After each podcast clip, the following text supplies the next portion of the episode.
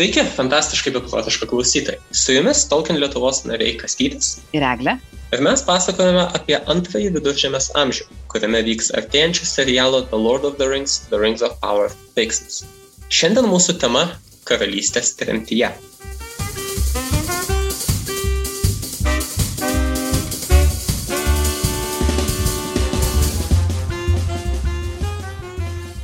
Praėjusį sykį kalbėjom apie tai, kaip Numenoras pasidavęs Saurono įtakai nusprendžia eiti plaukti ir užkariauti vakaruose esantį Valinorą, Amano žemyną, kuriame gyvena elfai, kuriame gyvena uh, valarai, uh, pasaulį, pas, pasaulį prižiūrin, prižiūrinčios galios.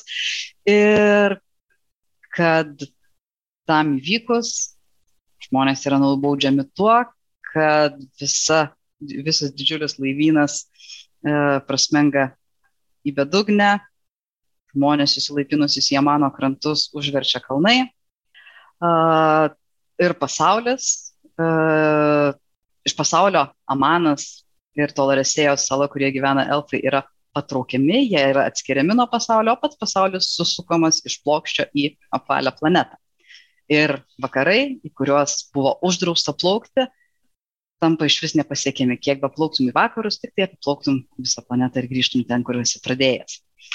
Ir Numenoras tuo tarpu uh, irgi be abejo nuo šitų nelaimių nepabėga. Uh, kai Tolkienas pradėjo kurti uh, šitą istoriją apie Numenorą, jinai ko gero netgi nebuvo iš karto jau visų kitų viduržėmės istorijų dalis, prasidėjo kaip atskiras pasakojimas ir vėliau susijungia su, visu kitu, su visais kitais legendarimo pasakojimais. Uh, bet vienas iš dalykų, nuo ko prasidėjo Numenoro uh, kūrinys, buvo vienas sapnas, kurį Tolkienas vis pasikartojančiai sapnuodavo, gal net nesapnas, gal net labiau kaip košmaras. Ir tai buvo didžiulė, milžiniška banga, kuri pakyla iš jūros ir užlieja žaliuojančią, žaliuojančią, žaliuojančią kraštą, išlieja žemę. Ir labai įdomus dalykas, kad pats Tolkienas visuomet tą sapną sapnuodavo ir kažkada jis išsikalbėjo su vienu iš savo sunų, kad jo sūnui irgi sapnuojasi tas pats sapnas. Tai, uh, tas uh, motyvas jam labai susisėjo su Atlantidos mitu, kaip uh, irgi žemė kraštu šalimi, kurią, kuris prasmego, buvo nuskandintas, uh, prasmego po žemę, po jūrą. Ir E, Tolkienas vėliau rašė, kad jis labai apsidžiaugia, kai suprato, kad uh, fall, angliškai, uh, tas toks nuosmukis, žlugimas, kritimas, uh, išsiveršia į Atalantę. Ir kas skamba labai labai panašiai kaip Atlantida. Žodžiu, jo sugalvotoje kalboje, berots Kvenjoje, Atalantė yra nuosmukis, tas nuopolis ir šitaip gražytas jis susijęs su Atlantidos mitu ir šitaip jisai į Ardą, į savo sukurtą Ardą įdėjo ir Atlantidos mitą. Tai kas nutiko su Atlantida, tas dėja nutinka ir su Númenoru. Ir išplaukus laivynui, praėjus kelioms dienoms po to, kai išplaukė laivynas, iš salos, Numenoro salos viduryje esančio Meneltarmos kalno pradeda kilti dūmai, pakyla vėjas, išsiveržia ugnis, pradeda drebėti žemė ir su visais Numenoro gyventojais ir statiniais visas Numenoras prasmunka smunka į jūrą ir išnykstam žinai ir tik tai žalia šalta banga šniokždama už, už, užlieja tą salą. Uh, paskutinę akimirką Numenoro valdovė Tarmiriel, Parazono žmona ir ta, kuri turėjo būti teisėta, Numenoro valdovė, supranta, kad na, kažką galbūt dar galima padaryti. Jis jau supranta, kad čia jau buvo užsitraukta sutverėjo rūstybė ir galvodama, kad galbūt dar kažką galima padaryti, jis susirengė įkopti į Meneltarmos kalną, į tenais esančią šventovę ir ten melsti e, pasigailėjimo. bet jau per vėlai ją bekopiančią į Meneltarmą pastveria vandenys ir ji taip pat kartu su visais ir pražūna. Ir nuostabio numero nebelieka. Tą patį sapną, kurį Tolkienas sapnuodavo vėliau Žiedų valdovo knygoje, jisai įdeda Faramirui, Faramiras pasakoja sapnavęs tokį sapną, o filmuose yra scena, kur Eovina irgi labai gražiai dramatiškai pasakoja, kaip aš mačiau sapne bangą užliejančią kraštą. Na, kaip tokia irgi vis dar pasikartojantis toksai archetipinis, ne kolektyviniai pasąmonėje esantis vaizdinys lieka visiems viduržėmės gyventojams. Įdomiai tas susisieja net ir su mūsų kraštų istorija, nes yragi istorinis laikotarpis Žečpospolitos, kuris vadinamas tvanu, kai irgi iš visų pusių tiek švedai, tiek rusai, tiek turkai niokojo mūsų kraštus 17 amžiuje. Tai va ypač Lenkai tą tvaną kaip labai tokį didelį šalies nuopolio iš galingos į tokią pastumdėlę perėjimą. Mhm. Ir jau čia. Ir tarsi armijas irgi lyg fanas, lyg bang, jūros banga užeina svetimas armijos ant krašto, ar ne? Taip. Būtent. Ir kitokios pat greunančias. Būtent.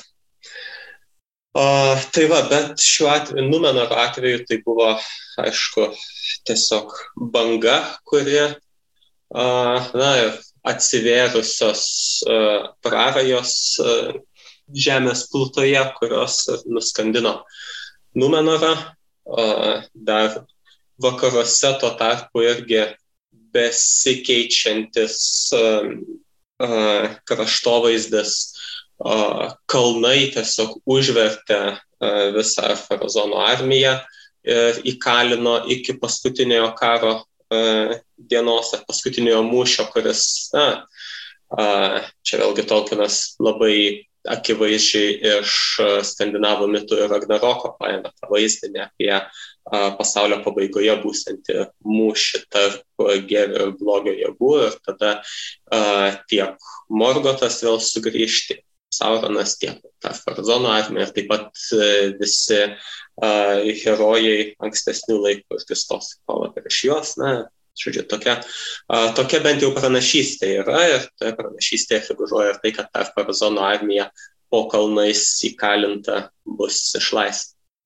Bet tuo tarpu grįžkim prie skęstančio Numenoro, kurio rytuose Romenos uoste stovi didžiuliai laivai, pilni atsargų išteklių ir pilni žmonių, nes ten yra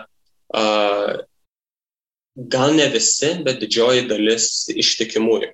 Tai yra tų, kurie vis dar buvo ištikimi elfams ir valams, Elendilis ir jo sūnus ir taip pat kiti na, jų žmonės. Uh, Amandilis prieš išplaukdamas į vakarus, bandydamas pelnyti valų malonę, jis būtent prisako savo sūnui e, Elendiliui, kad e, ruoštųsi, nes kažkas blogo bus ir kad būtų pasiruošęs tiesiog pabėgti iš Numenų.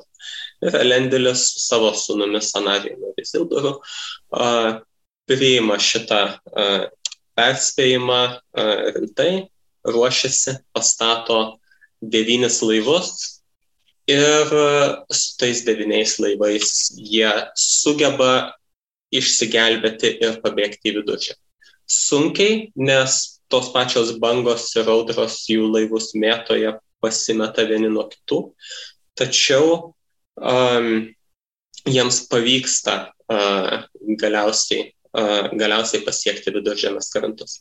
Keturiems laivams vadovauja Elendilis, uh, trims Anarionas, dviems Izildovas Ir taip šitie devini laivai nuvyksta į viduržėmę, kuri, nors ir na, kažkiek turbūt jos krantai skalaujami tų pačių audros bangų, bet žemynas nenuskęsta. Kartu su savimi ištikimieji atsigabena ir labai svarbių artefaktų ar paveldo objektų iš Numenoro. Tai visų pirma yra palantyrai, regintieji akmenys, kuriuos, kurie na, vėliau labai svarbu vaidmenį vaidina trečio amžiaus pabaigoje ir žietų valdovė. Taip pat baltojo medžio sodinuką, apie kurį praeitoje serijoje nemažai kalbėjome. Ta baltąjį medį, kuris išpranašauta yra, kad jis susijęs su Numenoro valdovų linija ir tos linijos išsigelbėjimu. Na ir tas sodinukas vėliau irgi susijęs su, su jų Elendilio giminės likimu. Uh, sidabrinė Andunijos skeptra. Andunija tai vakarinis Numenoro uh, regionas, kuriame pagrindė ištikimieji ir gyveno iki kol jiems nebuvo uždrausta ten gyventi, kad nebūtų per arti elfų ir negalėtų uh, reksti visokių kėslų prieš karalių, bent jau karalių atrodė. Taigi Andunijos skeptra. Uh, Barahiro žiedą, kuris uh,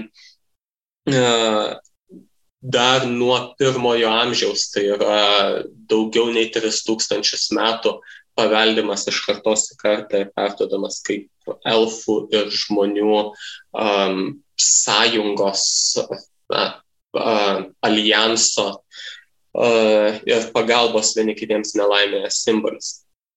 Bei uh, žvaigždės formos brangakmenį vadinamą Elendilio žvaigždė, kuris uh, vėliau tampa karūnos, ka, karūnos atitikmai. Ir taip jie tenai išsilaipina ir pradeda, na, bando pradėti kažkokį naują gyvenimą. Taigi, uh, laivai, uh, plo, uh, laivai, tie devini laivai, kuriais plaukia Lendelis, Zilduras, Narionas ir kiti ištikimieji, e, atsiskiria, e, jie irgi, na, turim suprasti, kad vis dėlto vyksta didžiulis virsmas pasaulyje. Pasaulis iš plokščio susi, susi, susisuka į apalų, nuskesta, e, nuskesta didžiulė sala. Tai na, jie taip lengvai iš tenais neišplaukia, nes jie irgi pakliūna į tas bangas ir į tas jūras. Tuo metu, kai į bedugnę prasmenga Numenoro laivynas, jie, būdami rytinėje Numenoro salos pusėje, yra sausumos apsaugoti uh, nuo bangų ir jiems nieko neatsitinka, tačiau kai jau visa greunanti banga ritasi per Numenorą jį skandindama, uh, jie tikrai būtų irgi kartu su visais pražuvę, nes uh, jų laivai vis, vis dar yra labai arti salos. Tačiau tada pakyla baisus vėjas ir visus devynis laivus nubloškė tolyn, sudrasko bures, nulaužė laivų stiebus ir svaido tuos laivelius po jūrą e, taip, kad atrodo, na, turėtų jie nuskesti, tačiau jie išsigelbėjo ir visi devyni pasiekia krantą, e, nepaisant tos siubingos audros e, ir didžiulių kalnai debesų, debesų bangų ir juos visus išmeta į viduržėmės krantus. Uh, tai uh, Elendilas atsiduria šiauriau, Zilduras piečiau ir Elendilas šiaurėje įkuria Arnoro karalystę, o pietuose yra įkuriama Gondoro karalystė. Uh, ir ne tik tai tuose devyniuose laivuose gyvenantys žmonės apgyvena tas karalystės, e, tačiau nemažai numenoriečių jau buvo persikėlę į vieną kitą e, viduržymę įsikūrusią koloniją, na, jie susivienyje visi ten ir e, taip jie ir keliauja. Mes nepaminėjome, kad Elendelis, ar gal labai trumpai paminėjome, kad Elendelis be Izilduro vyresniojo sūnus turi jaunesnį sūnų Anarioną. Anarionas kartu su Izilduru ir karaliauja pietuose Gondorė. Ir jie ilgą laiką ten, na, irgi įsikurti turbūt ne, nebuvo paprasta, ilgą laiką jie tenais įsikūrinėja, kurį laiką atrodo, kad jie galės gyventi čia ramiai ir taikiai, nepaisant, aišku, siaubingo nutikusio dalyko, siaubingų praradimų. E, ir na, pats Elendelis, kaip prašoma, geriau jau, jisai, jis mano, kad geriau jau jisai būtų žuvęs tuomet ir nuskendęs, negu gyventi tame pasaulyje po tokių praradimų ir po tokių kančių, po to, kas nutinka su numeru. Tačiau jie lieka gyvi ir išsilaipinęs į krantą viduržėmėje Elendelis duoda priesaiką. Mes tą priesaiką paskui girdime pakartojama Aragorno per jo karūnavimą. Sako, kad iš didžios jūros į viduržėmę aš atvykau ir čia aš gyvensiu ir mano palikuonis iki pasaulio pabaigos. Kastytis, aš paprašysiu, kad tu pasakytum tą, kaip tas nuskambė, turėjo nuskambėti elfiškai. Aš nedrįstu, nedrįstu bandyti perskaityti teisingai. Oi, na, mano tarimas irgi nebūtinai yra labai artimas elfiškam, uh, bet uh, taip, ta um, galima sakyti, priesaika um, Elendilio, tai, kad va, dabar gyvensim viduržėmėje, jie yra užrašyta, turbūt pasakyta buvo kvenijata, aukštąją elfų kalba, uh, kuri buvo būtent vienas iš ištikimųjų žmonių tokių bruožų ar simbolių, kad jie naudoja kveniją kalbą, priešingai negu karaliaus žmonės, kurie atsisakė ir niekino tą kalbą kaip tarsi primesta jiems iš šalies. Ta priesaika skamba taip. Et erelo endorena tulien, sinome marvan ar hildinė tenambar meta. Šitą priesaiką pakartoja po daugiau nei 3000 metų ir karalius Aragornas karūnuojamas po žiedo karo ir galutinio Saurono sutriuškinimo. Tarsi primindamas ir savo ir visiems susirinkusiems, kad jis yra Elendilio palikuonis ir jis yra tų, tos pačios linijos atstovas. Nors ir daugiau nei 3000 metų praėję, bet ta tasa dinastijos išlieka. Mhm o Numenoro palik, palikuonys, likusieji Numenoro gyventojai a, po šito žlugimo, po Numenoro žlugimo, po šito nuopolio pradeda savo salą irgi vadinti arba Akalabetu, arba elfiškai Atalantę. Žlugusiąją prarastąją salą.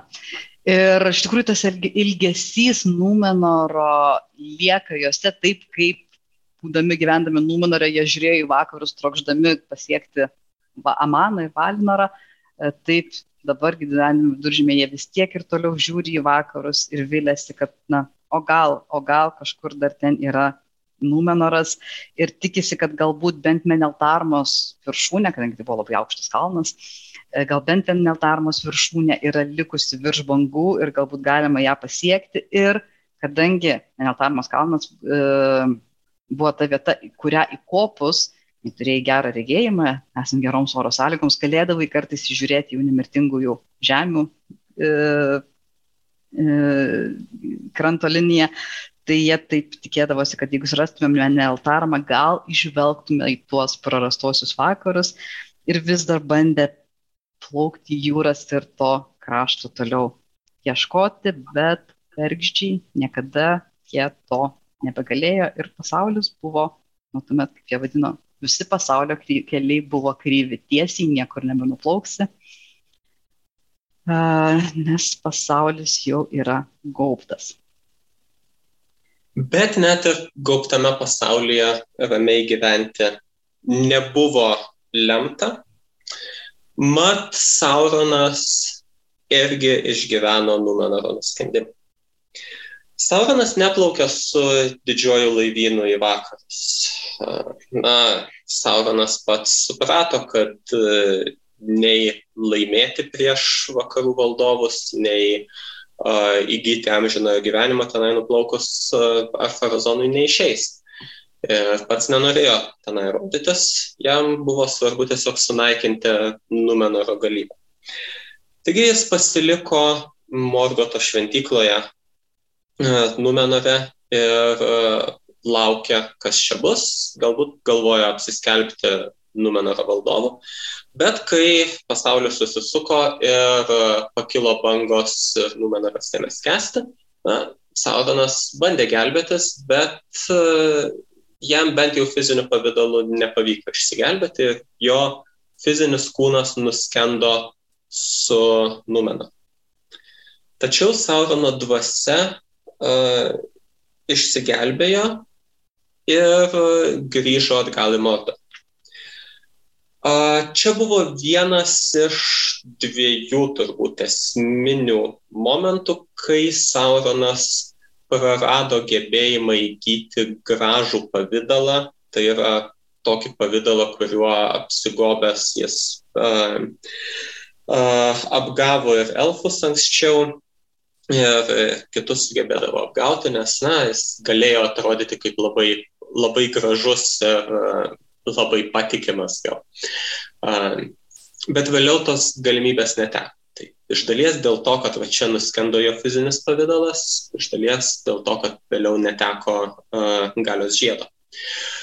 Uh, bet dar iki to galios žiedo netekimo uh, mes turim situaciją, kad Sauronas ne fiziniu, dvasiniu pavydalu grįžta į Baradurą.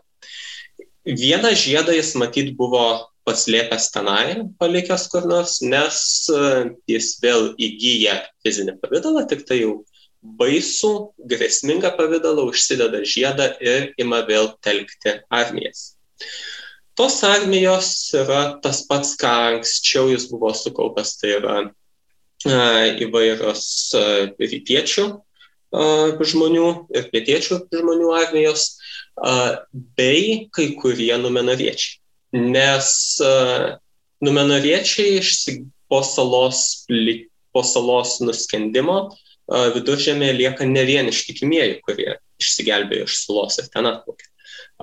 Kaip minėjom anksčiau, nekartą Numenas turėjo labai daug kolonijų viduržėmės pakrantėse. Ir e, daugelį tų kolonijų, ypač labiau į pietus, gyveno e, daugiausiai karaliaus žmonės. Tie karaliaus žmonės, jie buvo pasidavę Saurono įtakai ir dabar e, mielai prisijungia prie, um, prie Saurono armijos. Ir tokiu būdu uh, Sauronas vėl iškyla kaip didžiulė grėsmė ir dabar jau nėra to galingojo Numenoro, to galingojo laivyno ir uh, milžiniškos armijos, kuri galėtų tiesiai stoti į kovą ir nušluoti Saurono armijas. Yra tik tai ištikimieji, kurie devyniais laivais išsigelbėjo, aišku, jų, na, kažkiek jų yra ir um, vėlgi čia eina ne vieni metai, kol uh, Sauronas vėl iškyla, taip kad nauja karta gal spėja užaukti. Um, Tačiau vis tiek tų ištikimųjų nėra daug. Arnoras ir Gondoras yra dar e, tik tai be užgimstančios e, karalystės, kurios, na, prieš Sauroną pačios vienos turbūt e, niekaip neatsilaikytų. Taigi, ką žmonės daro, na, jie, būdami ištikimieji elfų draugai, jie kreipiasi į elfus. Hmm. Tai kai Sauronas vėl pradeda uh, mor, Mordore uh, rengtis karui, uh, iš Radruino kalno pakyla dūmai ir žmonėriečiai iškart supranta, kad jau laukia nelaimė. Uh, tai tuomet uh, Sauronas pirmiausiai žygiuoja į mūšį prieš Gondarą, jis užima Minasitilį. Vėlgi tas pats baltasis medis yra pasodintas Minasitilyje ir jisai tą baltąjį medį vėl sunaikina.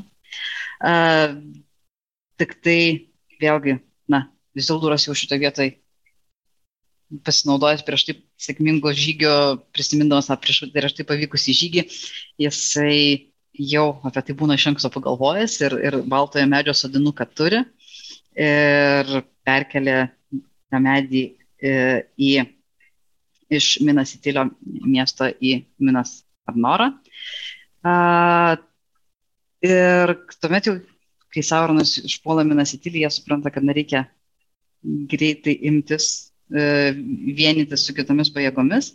Jaunėlis brolis Anarionas lieka ginti Oskiliato ir kitų Gondoro miestų, o e, Zilduras išplaukė ieškoti tėvo Herendelio ir kai jį randa, jie prisimena senas, e, senus numenoriečių sąjungininkus elfus ir jų karalių Gilgalatą, su kuriuo kartu kadaise Numenoro karaliai kovojo prieš Sauroną. Na, čia irgi tūkstant, pusantro, daugiau kaip pusantro tūkstančio metų atgal, tačiau buvo kažkuomet ta sąjunga, na ir jie vėl susirenka ir sudaro tai, ką mes paskutinėje paskutinėje sąjungoje, paskutinioje alijansų.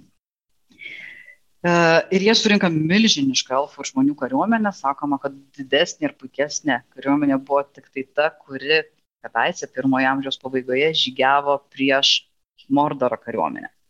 Tai tuomet, na, kai vala, visi valarai ir visi elfai e, buvo toje kariuomenė. Na ir jie iškeliauja per kalnų slėnius, e, kerta augonuotusius kalnus, nužygiuoja į palei Andaino upę ir stoja prieš Saurono kariuomenę Dagorladę, kuris yra prieš pat įėjimo į Mordor. Na ir kaip vyksta toji apsiautis, kaip vyksta tas karas, jau turbūt kitas iki ir papasakosiu.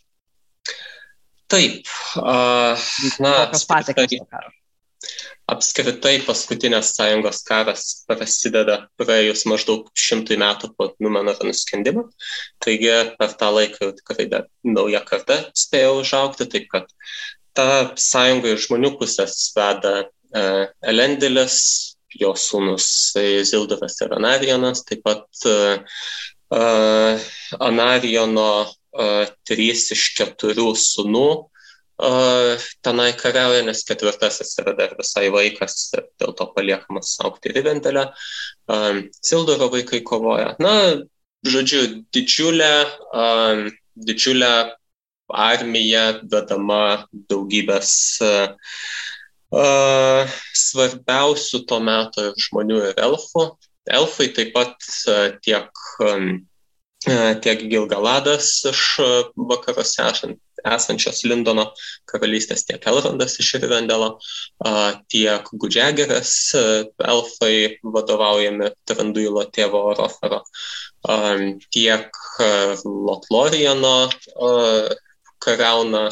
Na, žodžiu, tikrai daug jų susirenka, kovoja su Sauronu, ilgai kovoja, galiausiai įveikia, bet uh, nebe daugybės uh, tragedijų. Bet taip, apie tai pakalbėsime kitoje, jau paskutinėje antrojo amžiaus istorijų serijoje, nes uh, dabar jau tikrai prieėjome prie pačios antrojo amžiaus pabaigos. Dėkojame, kad klausėte antrojo amžiaus istorijų ir iki susiklausimo bei pasimatymo Lituanikone rugsėjo 10 dieną šeštadienį Vilniuje.